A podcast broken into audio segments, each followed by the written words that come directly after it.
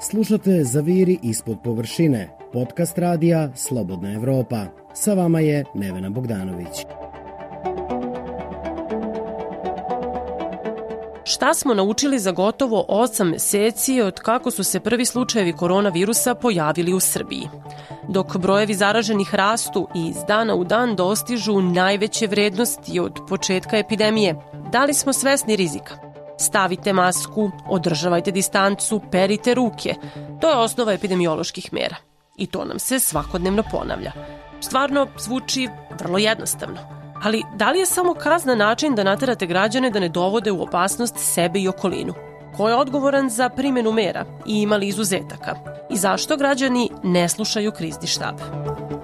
Ja sam Nevena Bogdanović, a u novom podcastu Radija Slobodna Evropa zaviri ispod površine proverit ću koliko se u Beogradu poštuju epidemiološke mere. Krizni štab Srbije označio je Beograd kao najveće žarište koronavirusa. U poslednjim danima u glavnom gradu registruje se polovina od ukupnog broja obolelih u Srbiji. Lokacija prva, centar grada, Veče, Knez Mihajlova ulica. Uobičajeno, gužva. U Knez Mihajlovoj ulici još jedna uobičajena slika, nastup uličnih umetnika. Ono što bi međutim trebalo da bude uobičajeno jeste da građani u ovako velikoj gužvi nose maske, međutim slika je u ovom momentu nešto drugačija. Većina građana koji su ovde i koji su se okupili da gledaju nastup uličnih umetnika nema maske. Iako distance među okupljenim građanima nema. Dakle, na snazi je mera da su maske obavezne u svim zatvorenim prostorima. Na otvorenom je preporuka da se nose. Ali da naglasim, obavezne su, kako kaže krizni štab, na otvorenim prostorima gde nema distance. Na primer, u redovima za banku, poštu, prodavnicu. Ili pljeskavicu, kestenje i picu u glavnoj Beogradskoj ulici. Srećem dvojicu prodavaca hrane bez maske. I počinju opravdanja. Dobroveče. Radio Slobodna Evropa, ne nosite masku? Nosim, kako ne nosim. Dobro, ali je na bradi. Na bradi, kad ne idu mušterija stavim masku. Kad idu mušterije stavite? Sigurno. A mušterije nose masku? Većinom da. Prodajete hranu, zašto ne nosite masku? Nosim masku, kako ne nosim? Pa evo sad je nemate. Pa nemam što da radim, hajde, da ubim. Pucam. Vidiš, svaki nema. Nemoj tako da budeš, budite malo. A vidim, vidim da ni građani nemaju. Da li neko Pa ne. proverava to? Jel vam prilaze komunalni policajci, sanitarni Policajci inspektori? ne, pa ne drži ni jedan maske na polje. Međutim, maske ne nosi ni patrola komunalne policije koju sam srela u sred Knez Mihajlove. Dobroveče. Radio Slobodna Evropa, ja se izvinjavam. Zašto komunalna policija ne nosi maske? postupanju i zato što preporuka samo napravili. Kako, kako? Izvinite, nisam čula. Zato što je preporuka napravili, nismo u postupanju, nismo u zatvorenom prostoru. I odoše. Nisu nastavili razgovor sa mnom. Tako nisam uspela da ih pitam da li bi upravo oni koji su zaduženi da nadziru poštovanje epidemioloških mera trebalo da daju primer, da poštuju preporuke čak i onda kad, kako kažu, nisu u postupanju. Ili je neophodno da iza njih preporuka postane naredba. I ko će da ukori komunalnu policiju ako ne poštuje mere? Zakonom u Srbiji još nije rešeno ko će naplaćivati kazne za nenošenje maski, niti kolike će biti te kazne. Prekršajne kazne za kršenje epidemioloških mera piše samo sanitarna inspekcija, u ovom slučaju u ugostiteljskim ili sličnim objektima. Ulogu takozvanih COVID redara preuzeli su i zaposleni u prodavnicama, tržnim centrima i kafićima, ali oni mogu samo da opomenu. Među njima je i Slaviša. On radi kao obezbeđenje u jednoj prodavnici odeće poznatog svetskog trgovinskog lanca. Priča mi da svakoga dana imaju između 1000 i 2000 posetilaca. Ipak, nekoga još nije video među svim tim posetiocima. Sanitarnu inspekciju. Može li se u prodavnicu bez maske? Ne može. Vi kontrolišete. Ja kontrolišem. A on kaže stavite masku. Jel imaju svi maske ili Za sada imaju. Za sada imaju? Za sada imaju svi. I imate ovu dezinfekcijonu barijeru, to Tako se je. isto poštuje. O, slabo kupo. To slabo. Velika je frekvencija ovde ljudi u toku dana, velika je prodavnica. Pa ima. Dođe.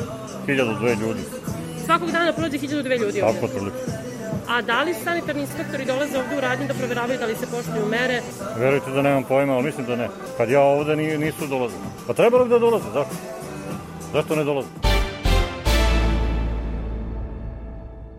Lokacija treća. Jedan od beogradskih tržnih centara. Portir mi tvrdi da svi moraju da nose maske. Nose posetioci ovde maske? Nose. Nose. A da li ste vi zaduženi da ih proveravate, opominjete? Svakako. Da to radite često? Ili ima oni koji ne nose? Pa aj svaki stoti, ali uh, uglavnom poslušaj Ima li ih koji negoduju? ima. A Vas da se nađe. Da. Pa koja su njihova opravdanja? E, kaže da ne nose, da ne, kad Vučić bude nosio, kaže nosit ću i ja. A recite mi, da li e, sanitarna inspekcija, komunalni policajci dolaze ovde u tržni centar, da li proveravaju poštovanje epidemiologije? Jeste Čuo primetili? sam da dolaze, nisam ih video, ali pošto ne radim svaki dan. A gužve su i u javnom prevozu, pa treba biti oprezan. Jel nose putnici maske? Nose. Nose? Da. A jel ih vi proveravate, kontrolišete? Nemamo mi to još pravo. Kaže mi Predrag koji radi na glavnoj autobuskoj stanici u Beogradu, gde se svakoga dana beleži oko hiljadu autobuskih polazaka. Dok čekam u redu za karte, primećujem da je većina u mojoj okolini disciplinovana. A evo koja sam opravdanja čula od onih koji maske nemaju. Radio Slobodna Evropa, zašto ne nosite masku? Sad sam, e- evo mi ovdje skino se malo preprava ti kažem. evo je draga, evo samo što sam Ok, ok, hvala.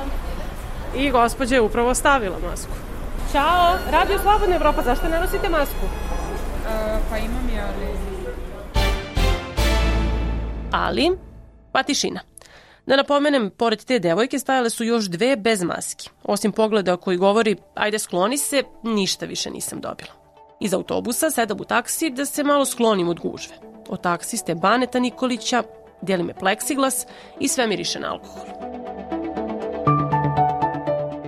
Moram da primetim da to nije slučaj kod svih vaših kolega. Često se vozim taksijima po gradu i mnogi od vaših kolega i ne nose, na primjer, maske ili stave tek nakon što ih opomenu e, mušterije. Zbog čega ste, na primjer, evo, odlučili da, da ovako izgleda vaše vozilo? Ja, koliko razumem, vas niko nije naterao.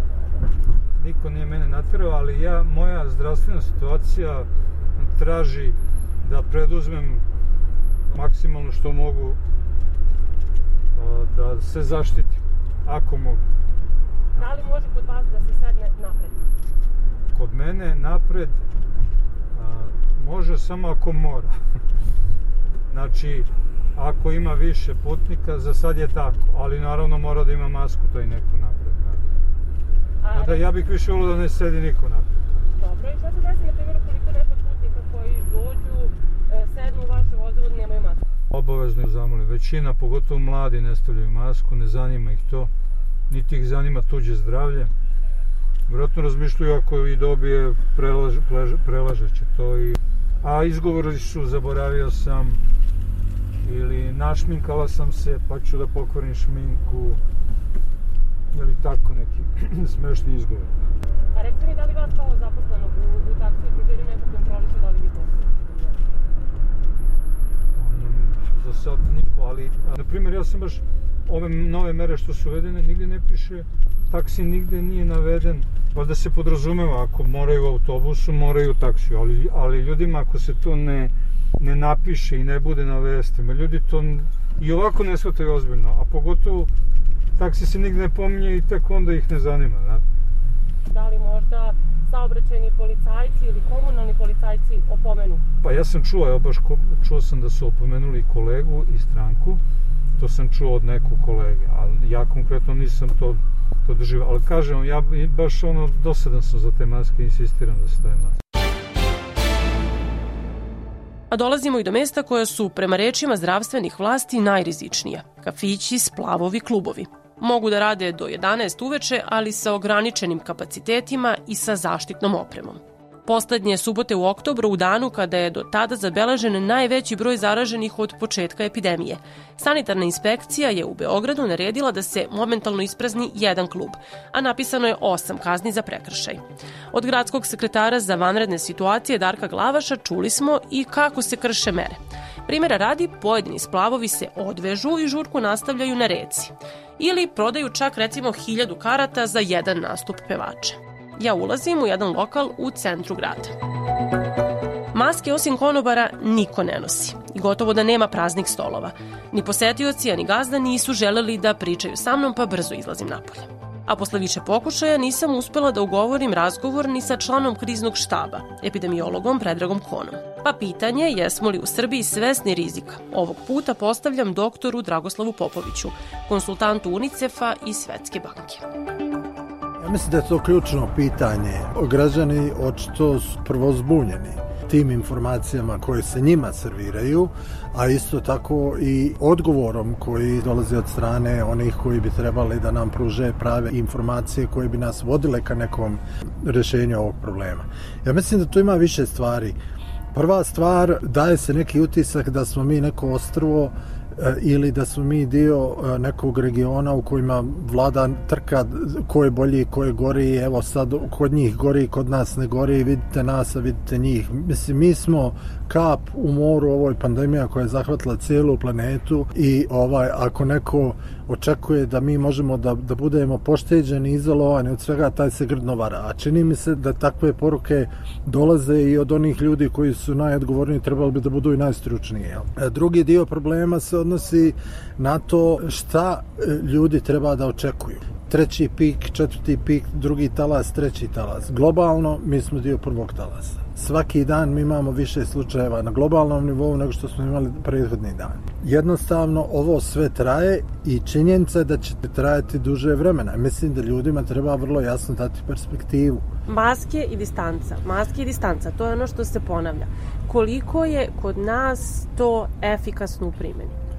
Pa znate šta, vi govorite o maskama i distanci. Ovi koji nam e, šalju te poruke govore da li je nešto preporučeno, da li će nešto biti podignuto na nivo mjere i mi govorimo o tome da li se neko pridržava nekog stanja koje je uvedeno nekom prisilom ili se ne pridržava toga. Mislim da smo propustili da, da svima objasnimo šta je ono, kako ljudi treba da se ponašaju, da je to za njihovo dobro Ja smatram da, da time smo vređali inteligenciju ovih ljudi i da, da, da je potrebno da promenimo taj način razmišljanja i da promenimo modele koji, koji se tim ljudima nude. Jer mi imamo među političarima od vrha pa na svim nivoima one koji se ne pridržavaju ovih mjera, a koji očekuju kao da se ova sirotinja raja pridržava. Da li građani imaju pravo kad smatraju da ovde mere važe što vi sad kažete za sirotinju raju, a da postoji deo građana za koji ove mere ne važe? Odnosno da oni imaju pravo da slave, da proslavljaju, da se to radi bez kazni, da daju primer da se maska ne nosi i da neće biti kažnjeni. Da li stvarno treba da funkcionišemo po tom principu straha? Da li će nam neko sada naplatiti kaznu koliko ne nosimo masku? Je to poenta svega? to ne samo da nije poenta, nego je to najgoriji mogući scenario. Ali taj, taj scenario isto tako govori o tome na čemu je naše društvo bazirano. Na toj nekoj razlici između nas i vas, mi, oni, povlašćeni i, i, i, i, i svi ostali. Virus COVID-19 je izuzetno demokratičan on napada svakoga, on je rizik za svakoga. Mi smo imali Borisa Johnsona, imali ste Trumpa. Oni su isto tako mislili da su pošteđeni, izolovani ili, ili imuni na ovo sve zbog svoje funkcije koju, koju imaju, pa se pokazalo da nisu. Dr. Popović je i član epidemiološkog tima u udruženju Ujedinjeni protiv covid -a. Udruženje čine zaposleni u zdravstvu koji su zatražili smenu kriznog štaba Srbije zbog sumnji u verodostojnost zvaničnih podataka o broju zaraženih i preminulih od koronavirusa i načina na koji krizni štab vodi borbu protiv epidemije. Pored toga, Ujedinjeni protiv covid -a izneli su pred zdravstvene vlasti i preporuke. Šta dalje? Kako se izboriti sa zdravstvenim rizicima od covid -a? Kad se radi o lečenju ovih ljudi, opet kažem, naš cilj je da ih je što manje na lečenju, međutim, lečenje je očito teško, skupo, vrlo komplikovano i ostavlja posledice. Prvo, mi o tim posledicama tek učimo. To je krenulo sa plućima, pa onda smo otkrili da je cijeli vaskularni sistem zahvaćen i ugrožen. Sad razgovaramo o tome kakve su posljedice na mozak, posljedice na mentalno zdravlje ljudi koji su bili toliko dugo ovaj, na, na, na liječenju i njihovo opšte fizičko stanje. Kakva je rehabilitacija potrebna tim ljudima, jer da budemo jasni, respirator zahtjeva da ljudi budu u indikovanoj komi, da bi njihovo disanje preuzela mašina. Vi posle respiratora morate da naučite da dišete pravilno i da vam se omogući da se plućna funkcija vrati na svoj e, e, normalni režim što je prije moguće. E, o tome se kod nas vrlo malo govori i to je nešto što ne bi smjelo da se nagomila kao problem u budući. Najviše obolelih od početka epidemije ne beleži samo region, već gotovo čitava Evropa, u kojoj je prema podacima Svetske zdravstvene organizacije tokom poslednjeg oktobarskog vikenda bilo više od polovine svih novozaraženih u svetu. Epidemiološkinja Ivana Prokić, takođe članica epidemiološkog tima Ujedinjeni protiv covid u Holandiju je iz Beograda stigla polovinom oktobra i uporedila je situaciju u toj državi sa Srbijom. E, svuda u svetu poštovanje mera zavisi prvenstveno od e, poverenja koje građani imaju u donosioce odluka, je tako? I e, zavisi od toga koliko im se dobro e, objasnilo čemu ta mera služi i, i zašto je bitna da svi poštuju. Mislim da je to glavna stvar koju u Srbiji e, ne vidim da se dešava, a to je e, ta neka edukacija stanovništva. Jer to je, recimo, Svetska zdravstvena organizacija e, rekla da je to prvi korak praktično e, u borbi protiv epidemije, edukovati ljude e, što o samoj bolesti, što o razlozima tih mera. U tom smislu i u Holandiji i u Srbiji naravno postoje ljudi koji smatraju da znaju bolje, to je ono što je opasnost, i da, da, da se protive tim nekim standardnim merama, ali mislim da je u Srbiji generalno to jako lošije, jer su ljudi više nemaju ni strpljenja, mislim da su revoltirani nekim ponašanjem tog kriznog štaba koje bi trebalo da im jasno i precizno e, definiše mere i tako dalje, a oni to ne rade, već baš naprotiv, stalno daju neke oprečne izjave. Vi ste već na samom početku tražili način kako da pomognete svojim kolegama u Srbiji. Ne samo vi, već i vaše kolege e, iz regiona, da se povežete, e, da, da se date na raspolaganje, da date svoje predloge. E, kako vi gledate na epidemiološku saradnju u regionu? Da li dovoljno sarađujemo s obzirom na to da, na primjer, ovde u Srbiji u delu medija ja mogu da primetim da se o brojkama izveštava na nivou takmičenja. Ova borba protiv epidemije nije nikakva trka. Bar u Srbiji, koliko sam ja uspela da vidim, to se tako prikazuje, jer Srbija, verujem, mora da bude najbolja u svemu, makar možda to bilo i netačno, tako se plasira u, u medijima. To je potpuno pogrešno u smislu da nema tu pobednika i gubitnika. Mi svi zajedno, ako ne, ne pobedimo virus, virus ne zna za granice, ali tako, ne zna za, za nacionalnu pripadnost e, i tako dalje. E, u tom smislu takmičenje između zemalja koja je bolja e, ne, ne znači mnogo u borbi protiv epidemije. Jel? Prvo i osnovno, epidemiološki gledano, ti brojevi ne mogu da se porede međusobno na tako jedan jednostavan način kako se to radi u medijima. Da li su mediji za to krivi, da li su vlast za to kriva, ne znam, ali hoću da kažem, e, broj zaraženih kao takav e, ne znači mnogo e, van konteksta. I vi ne možete da uzmete broj 500 i da uporedite sa brojem 1000 u drugoj zemlji, zato što te dve zemlje imaju različite strategije za testiranja, za, za pronalaženje tih kontakata te dve zemlje imaju različiti broj stanovnika, različitu gustinu naseljenosti, različite e, gomilu faktora, to je jedna vrlo kompleksna stvar i onda e, kad se tako uprošćeno prikaže, to je potpuno jedan absurd. Ono što je recimo bitnije je broj zaraženih u odnosu na testirane i to je, ja mislim, razlog što sada u celoj Evropi vidimo mnogo više brojeva tih zaraženih nego na početku epidemije, zato što se sada mnogo više testira. Po Evropi i tačno je da imamo puno puno zaraženih, ali broj hospitalizovanih nije drastično skočio. broj umrlih nije drastično skočio. Znači, to je neki pokazatelj da mi mnogo bolje pokrivamo i testiramo ljude, pričam za Evropu, nego što se to radilo u početku epidemije. Jel? Drugo pitanje je bilo u, vezi sa regionalnom saradnjom. E, na koji način povezati stručnjake iz regiona i šta je ono što oni mogu da urade kako bi se situacija na Zapadnom Balkanu epidemiološka e, poboljšala? Generalno saradnja e, u, u celom regionu mora da postoji i smatram da trenutno ne postoji. Ja sam i na, sakupila te sve stručnjake iz celog regiona, nisam se bila fokusirala na Srbiju, baš zbog toga što govorim. Bitno je da svi zajedno sarađujemo, uopšte nije bitno e, gde smo. Mislim da je generalno saradnja i komunikacija prvenstveno između Instituta za javno zdravlje svih ovih zemalja neophodno da bi se to na nekom globalnom, regionalnom nivou rešio problem. Jer vi ako imate bolju situaciju u jednoj zemlji, a pustite granicu da, da ljudi cirkulišu, kao što ste rekli, e, na Balkanu barem ljudi cirkulišu prilično često između tih svih zemalja. Po meni e, to mora da se kontroliše prosto. Ne kažem da treba zabraniti ulazak, izlazak i to je najlakše uraditi. Mislim. E, ne, ne mislim na to. Mislim da treba da se kontrolišu svi koji ulaze u zemlje, što na aerodromima, što na granicama, ali ovaj, ja sam recimo sad, kao što ste rekli, bila u, u Srbiji, vratila se, mene niko ništa nije pitao na, na aerodromu. Niko ništa me nije pitao, postoji formular koji ti moraš da popuniš da li imaš simptom taj, taj, taj, ako imaš bilo koji simptom ne možeš da uđeš u avion, ali ti niko nije tražio taj formular, ti si to sam popunio i niko ti nije tražio ni taj uh, formular, niti proveravao da li je to tačno.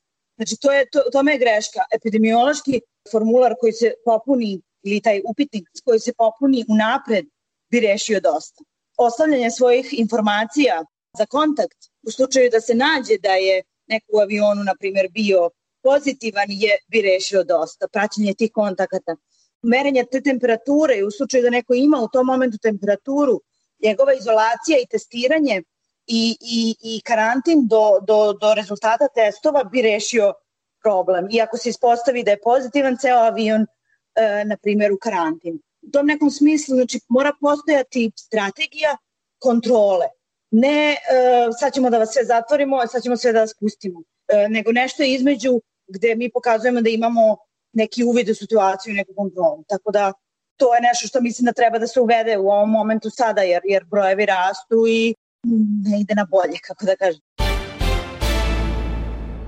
Ok, brojke neko vreme neće padati, to smo shvatili. Kao privremenu meru zdravstvene vlasti Srbije ponovo su stavile u opticaj i privremenu bolnicu u Beogradskoj areni. Kada se setimo poruka od proletos, svi ćete u arenu, svi ćete na sajam. Nameće se pitanje da li nam se preti. To pitam socijalnog psihologa Dragana Popadića. Nejasna je granica između pretnji, upozoravanja i upozoravanja i savetovanja. Svakako ima ima i pretnji, ali čini mi se da na početku epidemije, tamo u februaru, u martu, se generalno krenulo sa tim da je to prosto, bože moj, jedini i najbolji način komuniciranja sa građanima. Pretiti širenjem panike, optuživati podanike da su neposlušni i da eto zbog njih je stanje takvo i ako nastave da budu neposlušni da će mere biti mnogo radikalnije. Dakle sve smo to uh, slušali ali ja mislim da reakcija ljudi na to dakle izvestan uh, revolt koji su izazvale takve pretnje je doveo do toga da sada pretnje budu manje grube i često one imaju, zavijene su neku oblandu, ne znam, upozorenja i slično. Da li mislite da taj deo zdravstvenih vlasti želi malo i da povlađuje građanima ukoliko vidi bes i revolt? Ne, ne mislim da krizni štab ni oko momentu želi da povlađuje građanima. Oni, kako kažem, imaju vrlo jasnu ulogu da budu transmisija E, ljudi na vlasti i da ono što izađe, kako kažem, što se stvori u mozgu vlasti izađe kroz usta struke. Činjenica je da se nekoliko puta pokazalo da vlast, pa samim tim i struka kao njihov portparol, mora da ustukne i da odustane od nekih mera koje unapred proglasila. A kakav nam primer daju oni koji državu vode kroz epidemiju, odnosno čelnici koji su trenutno na vlasti. To je, dakle, od samog početka epidemije pa do sada stvar se bitno ne menja. Dakle, možemo videti da uporedo sa tim javnim obraćanjima često upravo u toj oblasti direktno pretnjama građanima i e, optuživanjima da su oni neodgovorni, da su oni za sve krivi i tako dalje. Imamo dakle istovremeno slike partijskih manifestacija, političkih skupova i slično gde ljudi apsolutno te mere ne poštuju. Dakle, kao da su oni apsolutno izvan te situacije i da za njih ta pravila ne važe. I sam e, predsjednik Srbije je u svom skorom obraćanju kada je predstavljao vladu pomenuo da je jedan od prioriteta upravo to borba protiv epidemije, ali pomenuo je i sam podatak da je drastično u Srbiji porastao broj onih koji ne veruju, koji ne veruju u koronu, koji ne veruju u vakcinu i rekao da se sa tim ljudima mora razgovarati. Sve njegove izjave, pozivanja na statistiku i slično uvek treba uzeti sa priličnom dozom rezere. Videli smo mnogo puta koliko su te statistike pogrešne ili čak i izmišljene zaista ne znam na koje, odakle njemu, njemu to saznanje, ali moguće je da ljudi sada u većoj meri sumnjaju. Nesumljivo je da oni postoje, pitanje je samo koliko se zaista njihov broj povećava i slično. Moguće da, da ljudi sada više veruju da je sama epidemija manje ozbiljna nego što se e, ranije predstavljala. Ako hoćete, sama činjenica da ljudi na vlasti ne nose maske, a tvrde da je to, e, da je to veoma važno, može se protumačiti kao kako kažem, kao činjenica da oni e, znaju nešto što građanima neće da kaže i da na taj način, kako kažem, svim tim merama manipulišu građanima. Kada, evo, na primjer, pročetate sad ovde Novim Beogradom, e, kako vama deluje, da li građani e, s tog psihološkog stanovišta žele da poštuju one mere koje nisu striktno obavezujuće i koje nemaju neku sankciju. Generalno mislim da ni za jednu meru ne možemo očekivati da je 100% ljudi poštuje. Ne mislim samo sada za ove mere, već za generalno mere. Ako govorimo o nekoj generalnoj slici, moj je utisak da velika većina ljudi poštuje te mere. Učimo da živimo uz e, rizik, da e, razvijaju neku kulturu međusobne komunikacije u kojem se te mere e, sve više poštuju ili postaju pravila bontona. Dobro, evo, na primjer, mi se sad nismo rukovali neke mere, već, što vi kažete, jesu postale deo svakodnevice.